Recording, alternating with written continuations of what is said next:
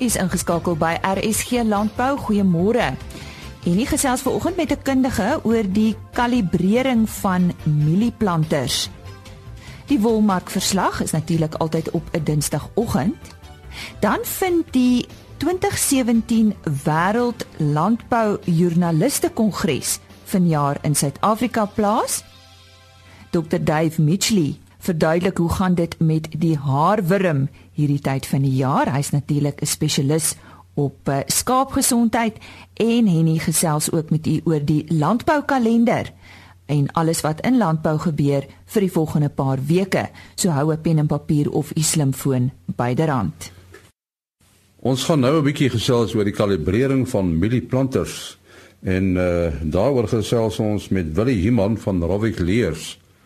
Nou kalibreer uh van 'n planter is natuurlik amper die belangrikste deel van jou saadplant, is ek reg, uh, Willie?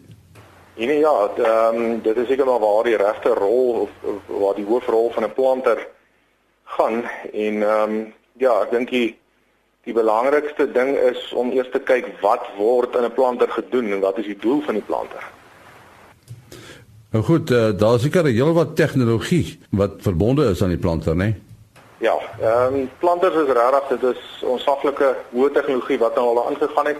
Natuurlik ehm um, dit gaan oor om jou put op die regte plek en die regte diepte te kan neersit en om op 'n van die dag te kan monitor. Maar is dit reg gedoen ehm um, in jou land waar lê jou put en waar lê die putte dalk nie? En dit alles rondom die plante, die kalibrering daarvan, die fynere verstelling en ja, word gevorm in nuutste tegnologie. Nou kan 'n mens dit self kalibreer of moet 'n mens deskundige hulp kry? Die die moderne planters is so gemaak dat enige boer regtig dit baie maklik kan doen. Ehm um, die tegnologie so gevorder, jou basiese meganiese planters waar jy fisies verstellings doen met radkaste, uh, met verskillende plate. Dit is baie maklik elke planter weet daar is toegerus met ehm um, hulpmiddels ehm um, soos operateur handleidings maar dan die ook die meer moderne planters word dan meer ehm um, gekyk om elektronies te wees waar daar met met satelliete ook gekommunikeer word tussen die satelliet en die planter. So jy ehm um, baie eenvoudige instellings wat jy op 'n rekenaarskerm doen binne in die die kajuit van die trekker en verder doen die planter letterlik alles self en hy sit daai put presies neer daar waar jy hom wil hê. Ja, en as jy nou breek, wat maak jy dan? Brekasies op op die meganiese uh, meganiese planters is baie eenvoudig. Jy sien baie vinnig as daar nie 'n put val nie. Ehm um, ons raai die ouens ook uh toe om uh 'n moniteringstelsel op jou planter te koppel. So jy is al is jy nie 'n moderne planter nie, kan jy die stelsel op jou planter uh toerus en jou planter kan dan ook uh, of die stelsel kan dan ook dadelik vir jou sê hoorie sommer daar's 'n brekasie of daar kom nie pitte in die grond nie en hy waarsku jou dadelik. Die meer moderne planters is nou al so dat jy enige plek in die wêreld kan wees. Die die boer kan letterlik in 'n restaurant sit aan die ander kant van die wêreld en hy kan per telefoon kan hy 'n boodskap kry vanaf die planter en en die planter kan vir hom sê hoorie so maar ek het in hierdie gedeelte van van die land het ek nie 'n put in die grond gesit nie en letterlik voordat die man op die trekker dit weet, weet die boer dit al en is al sover dat die handelaar selfs ook ingelig kan word van enige brekasies daarvan. Ja, dis nou wat hulle noem presisie boerdery, né? Dit is dan die presisie boerdery stelsel. Nou die die planters uh, wat wat 'n mens kry, uh, ons praat nou van mielieplanters. Uh, is daar eenvoudige modelle of uh, is almal hoogs elektronies? En natuurlik daar's 'n mark vir alles in die, in die bedryf.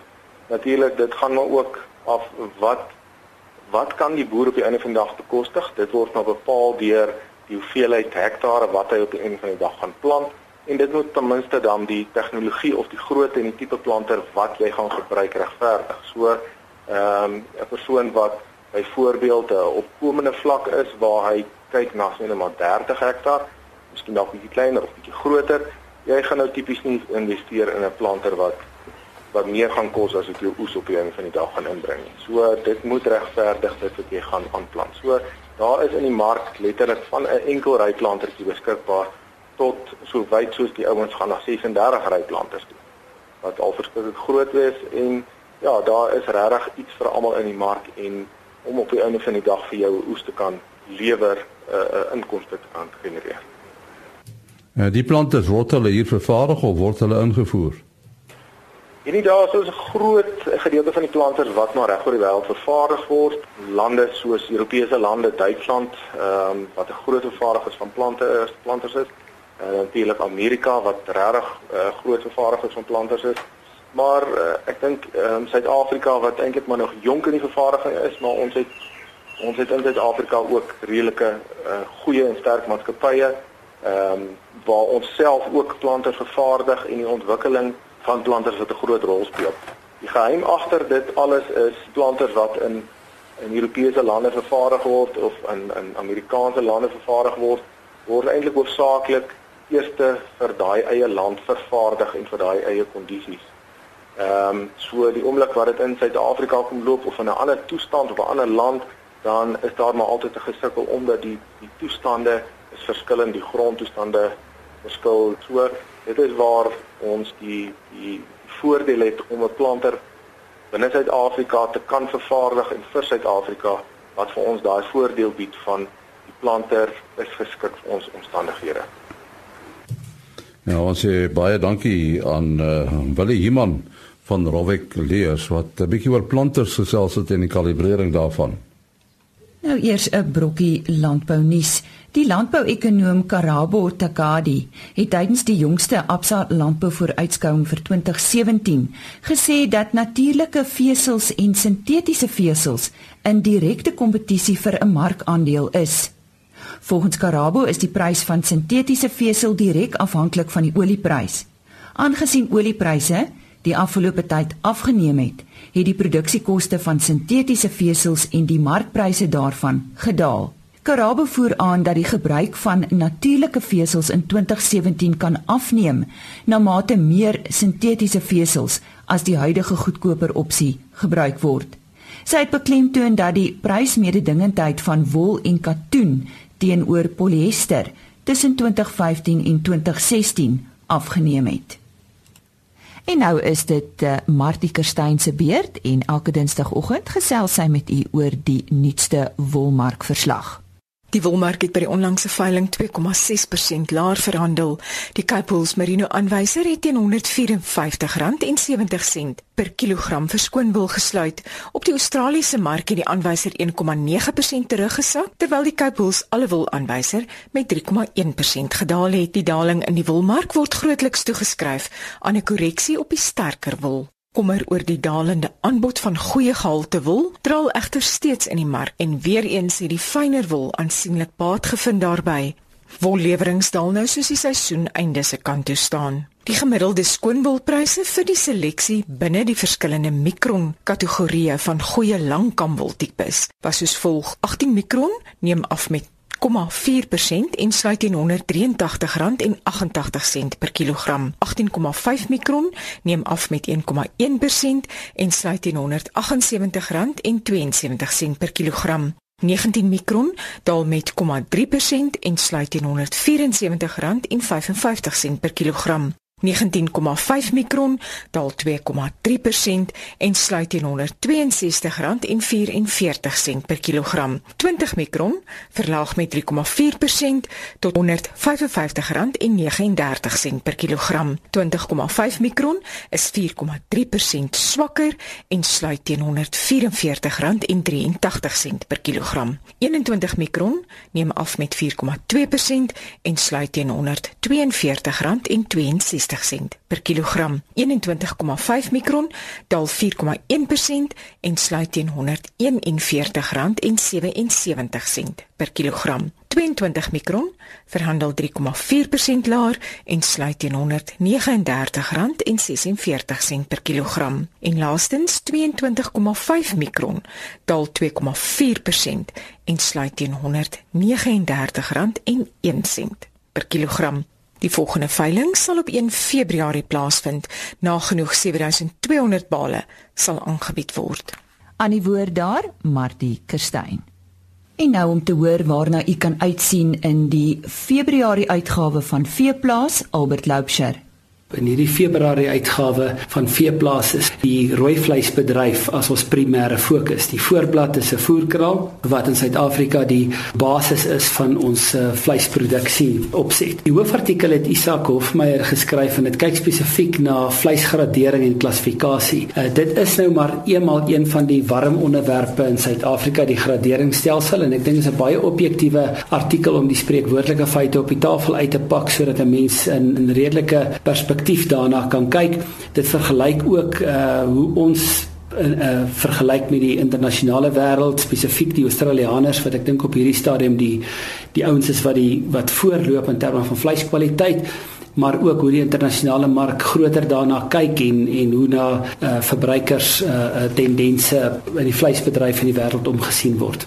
Ook in veel algemeen is daar 'n baie oulike artikel wat bietjie kyk na 2016 se veilingstendense. Ek dink uh, eh, 2016 is een van daai jare wat ons baie diep wil begrawe en nie wil opgrawe nie. So dis amper vir my met bietjie weerstand dat ek hoegenaamd terugkyk na 2016, maar dit was definitief 'n veilingsjaar waaruit ons geweldig baie kan leer en dan uh, kyk die artikel ook 'n bietjie wat uh, wat die verwagting vir 2017. 'n uh, Baie goeie artikel in die vesel afdeling kyk 'n bietjie na presisie lamtyd. Ehm um, dis my 'n baie belangrike fokus vir ons jaar om nou te fokus op 'n paar bepaalde temas. Een daarvan is die intensiewe skaapboerdery. Ehm uh, Veeplaas bied ook saam met Mamre Dormers en en die Universiteit van die Vrystaat in April die um, intensiewe skaapskool nou vir die tweede keer aan hierdie keer in Bloemfontein en die belangstelling is al klaar ongelooflik. Die geleentheid is eers middel April en ons is omtrent al 2/3 uitbespreek vir die hoeveelheid uh, sitplekke wat ons beskikbaar het. En hierdie artikel handel ook oor 'n uh, aspek daarvan en wat veral dink ek hier interessant gaan wees is 'n bietjie van die integrering tussen ekstensief en intensief. Ons is geneig om te dink as jy ekstensief is dan kan jy net ekstensiewe uh, praktyke toepas reg deur die jaar en dis intedeel nie waar nie daar is dele van jou produksieseisoen wat jy intensief kan benader en hierdie is 'n baie goeie voorbeeld daarvan in die suiwel afdeling is daar 'n baie goeie artikel wat kyk na melktoerusting en die kapitale belegging daarvan. In die wildafdeling is daar definitief 'n artikel wat ek baie seker is baie ouens graag sal wil lees en dit gaan oor die hele ding oor horingontwikkeling. Op hierdie stadium is dit waarskynlik die enkel groot ding wat 'n verskil maak tussen 'n 'n bok wat 'n paar miljoen gaan en 'n bok wat 'n paar honderd duisend gaan is uh nie net die die horings wat op die dier is nie maar die potensiaal en hoe die dier teel daarmee en hierdie gaan oor 'n navorsings artikel wat hom Andrius Gous geskryf het juis oor die ontwikkeling van van horings wat uh, dink ek die kapitale belegging vir wildboere duideliker sal maak.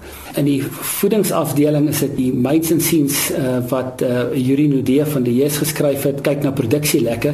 Dis 'n lang rukkie gelede dat ons regtig na produksielekke en nie na onderhouds onderhoudslekke gekyk het nie. En dan is daar ook 'n artikel uh, van van Darren Nash oor Waymark. Hierdie jaar is ons bevoorreg dat ons wel gras het om van Way te maak. Ehm um, en ek dink uh, die hele konsep van 'n voerbank het definitief weer groot na vore geskuif en gaan baie meer aandag kry as in die verlede. En dan in 'n laaste artikel uh, kyk Richard uh, Venter in sy rubriek Kouvoer gesprek kyk hy na uh, kouvoer kontrakteur. Nou ons uh, kouvoer kompetisie is nou afgehandel middel Februarie wys ons uh, 2016 se kouvoer koning aan en as mens net kyk oor die afgelope 3 jaar hoe die kwaliteit van die inskrywings verbeter het dan dink ek is ons op die regte pad in terme van die die poging om kwaliteit kuilvoer te bevorder en en en beter te maak. In die telingsafdeling het ons hierdie keer 'n interessante artikel wat eintlik oor infrastruktuur gaan, maar dit kyk baie spesifiek na die infrastruktuur infrastruktuur van 'n intensiewe skaapproduksie eenheid wat dan ook 'n bietjie kyk na uh, wanneer 'n mens so stelsel as 'n stoetvee uh, projek doen as jy met ander woorde dit ook gebruik om om genetika te produseer. En dan is daar uh tipies soos wat 'n mens nou sal weet van 'n Februarie uitgawe, kyk ons na belasting in die plaas uh bestuur en finansies afdeling en die opskrif van die artikel sê ook alles wat 'n boer moet weet. Ek dink daar's min ehm um, onderwerpe wat so aktueel vir landbou is soos belasting. Kyk ons na die handelspos afdeling van veeplaas, dan kan ons duidelik sien dis weer die veilingsseisoen wat op pad is en ek dink ons is uh, met die goeie reën en die beter produksie omgewing op pad om 'n om 'n baie goeie jaar met uh, besonderse pryse uh, glo en hoop ek te hê hierdie jaar vir die Suid-Afrikaanse veebedryf. Die stem daarvan Albert Loubser van Veeplaas. Die 2017 Wêreld Landboujoernaliste Kongres vind vanjaar in Suid-Afrika plaas en ek gesels nou met Nico van Burik van Landbou Skrywers SA. Die internasionale federasies van landboujoernaliste IFAJ is 'n 'n internasionale liggaam waarby alle landbouskrywers-verenigings van 45 lande geaffilieer is en elke jaar is daar 'n kongres in 'n ander deel van die wêreld en vanjaar is dit ons geleentheid. Dit sal slegs die tweede keer wees wat ons dit in Afrika het. Die vorige keer was in 2004 ook hier in Suid-Afrika en nou het ons weer die geleentheid. Watter soort sake word bespreek? Die mikpunt van die kongres is tweeërlei. In die eerste plek is dit 'n geleentheid waar die die federasie sy sy jaarvergadering hou en waar die uitvoerende bestuur kan vergader en dan tweedens is dit 'n geleentheid waar uh hierdie internasionale joernaliste kan leer oor land se landbou uh plase besoek en artikels skryf oor die landbou in daai spesifieke land. Die die bywoning van so 'n uh, internasionale kongres. Uh hoe is dit? Uh, is daar nogal belangstelling uit die buiteland? O, daar's geweldige belangstelling. Uh, uh dis die vorige kongres wat ons in Suid-Afrika gehad het, was uiters suksesvol en die boodskap het versprei en daar's baie groot belangstelling. Dit is nog uh, meer as 2 maande voor ons daar uh, daarby uitkom en daar's reeds 120 plus buitelanders wat geregistreer het om te kom. En en waar vind dit plaas, Nico? Ons begin op 2 April, Sondag 2 April hier buite Pretoria by Kiewitskroon. Die die Maandag is die die afvergadering en ook 'n geleentheid waar ons bietjie vir die mense meer vertel van lande Suid-Afrika en ook lande in Afrika. En dan Dinsdag en Woensdag besoek ons plase in die omgewing van Pretoria soos onder meer die land se grootste wortelprodusent Vitorogani by Talton uh Kalisman met sy sitrusboerdery by Groblersdal en dan natuurlik ook die die daar is 'n sougroep by Delmas. En dan die woensdagmiddag vertrek almal Kaapstad toe waar ons hulle ook gaan wys hoe lyk dit bietjie in die winterreënvalgebied. Daar gaan hulle wynplase, vrugteplase, uh, melkplase en dis meer besoek die donderdag en die vrydag en dan die vrydag aand eindig ons in die Kaap. Ja, jy sê dit is nou internasionaal wat dit inderdaad is. Is daar daarom verteenwoordiging uit Afrika? Daar is 'n daar is baie groot 'n uh, uh, uh, belangstelling uit Afrika ook. Soos ek gesê die die die IFA hier uh, verteenwoordig 45 lande in hierdie stadium. Baie min van hulle is Afrika lande en almal sien dit as 'n groot geleentheid hierdie kongres in Suid-Afrika nou om die lande te verstewig met skrywersverenigings uit ander dele van Afrika. As deel van die die kongres voor hy begin uh Sondag aan gaan ons 'n spesiale Afrika forum hou waar ons gaan kyk of ons nie bietjie nouer bande kan smee met landbouskrywersverenigings op die uh in, in Afrika nie en een of ander vorm van netwerk tot stand bring. Uh, elke kongres het 'n tema. Wat sou die tema van die kongres wees? Ons tema van jaar is uh Afrika dis ons tyd. Uh die in die boodskap wat, wat ons wil tuisbring is dat Afrika die sleutel hou tot landbou uh vorentoe in die wêreld omdat ons die grond en die middele tot ons beskikking het en dat Suid-Afrika die die die poort is om in Afrika in te beweeg. Nou een van die uh, kwessies wat gewoonlik ter sprake kom is uh tegnologie en die media. Nou dinge het baie verander van dit uh, daardie gedrukte media is. Ons het nou digitale media. Uh ehm um, dit kom kry ook seker aandag. Al hierdie aspekte word bespreek. Dit is eintlik 'n wonderlike geleentheid want dit uh, om te netwerk en kwessies wat almal raak te bespreek. Uh ons beweeg al meer in 'n digitale en, en uh era in en sosiale media speel al 'n groter rol. Dit is altyd altyd te sprake. Omdat dit joernaliste is wat die kongres bywoon, het hulle 'n geweldige invloed. Uh ons het bereken al dat die aantal joernaliste wat so kongres bywoon 'n gesamentlike gehoor het van 28 miljoen landboumense en dit bied natuurlik 'n wonderlike geleentheid vir borgers om betrokke te raak. Uh hulle is altyd welkom, skort nog heelwat van hulle. Dit was aan die stem van Nico van Bierik wat met Henny Maas gesels het oor die 2017 Wêreld Landbou Joernaliste Kongres wat vanjaar in Suid-Afrika plaasvind. Nog nuus, Mosambiek se bokvleis is een van 13 produkte uit die wêreld se armste lande wat deur die Verenigde Nasies ondersteun word om geografiese aanduiding of GI status te ontvang. Mosambiek se tete bokvleis is inheems aan die land en kom van grasgevoerde lewende hawe wat tydens die land se lang droë seisoen gereeld krummetartvrugte eet. Die unieke dieet gee volgens fynproevers 'n unieke soet en sappige smaak aan die vleis. Die Verenigde Nasies konferensie oor handel en ontwikkeling voer aan dat 'n GI-status sal help om die prys van hierdie vleis te verhoog wat landelike boerderygemeenskappe in Mosambiek sal ondersteun. Hoe gaan dit met die haarwurm hierdie tyd van die jaar? En die maas gesels nou met Dr. Dave Mitchley hieroor. Die interessante ding is ons het 'n lekker nat jaar na 'n droë jaar. Soos ons al deur die jare agtergekom het, is dit 'n resep vir moeilikheid tydens die droogte tyd. Het ons 'n immuunonderdrukking. En die weerstand van die diere ehm, deels as gevolg van 'n lae blootstelling maar ook maar net as gevolg van voeding. Die diere is in 'n swakker kondisie en dan is hulle meer vatbaar. Nou kry ons hier lekker reën en dit is nie net goed vir die gras nie maar ook goed vir die parasiete. So alle peste en plaae die daar's meer vektore wat siektes dra. So ons moet maar oppas vir bloutong ons moet oppas vir uh ander siektes ook, veral die insetoorgedraagde siektes. Maar meer bosluise, meer muggies en uiteraard meer interne parasiete.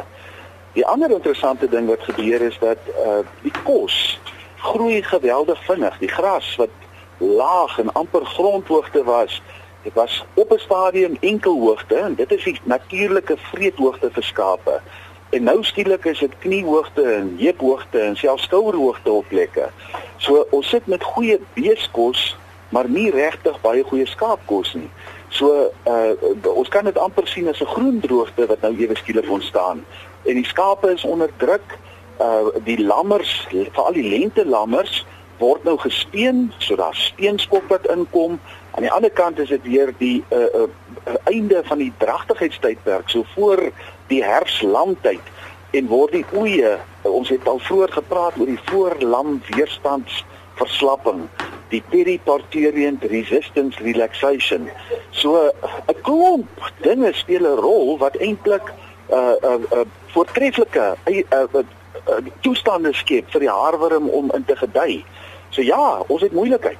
Die haarwurm is 'n parasiet wat 'n kort uh, siklus het nê nee? Ja, dis 'n somerparasiet in die uh, uh, hy het 'n interessante uh, lewensiklus waar hy in die winter in 'n winterslaap ingaan. Uh, die sogenaamde hypobiotiese fase waar die haarwurm net weet, mense wonder altyd hoe uh, dis net te fantasties om sommer net te gebeur, maar die die larfies ontwikkel nie verder binne in die liggaam nie en gaan in 'n winterslaap in en dan as daar vogtigheid is en warmte, so uh somermaande, hitte en dan die reën en dit is dan die uh teken vir die parasiete om los te trek en eiers te lê.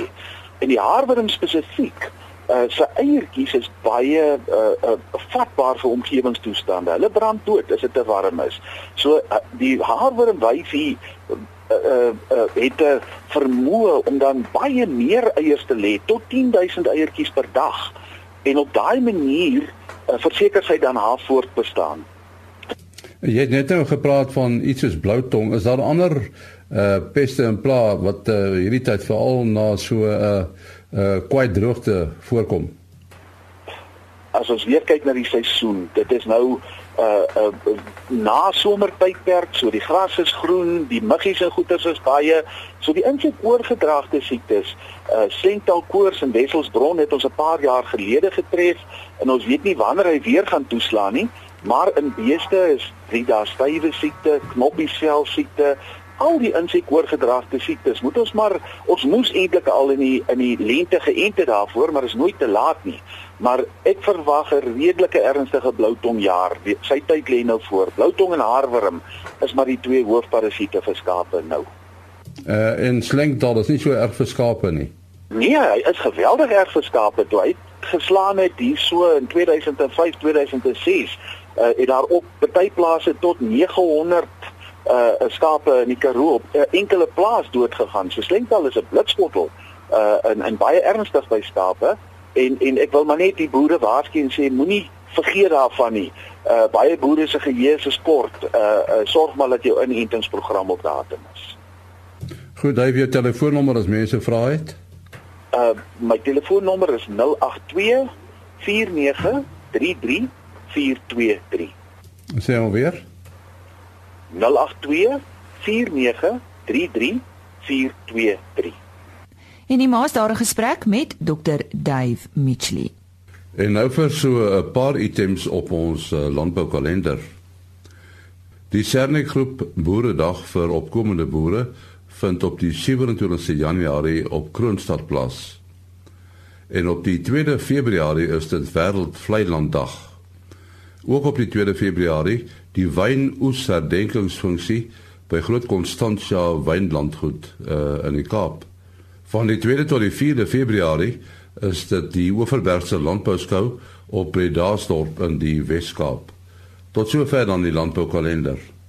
Dankie Henny en dit was dan RC Landbou vir vanoggend.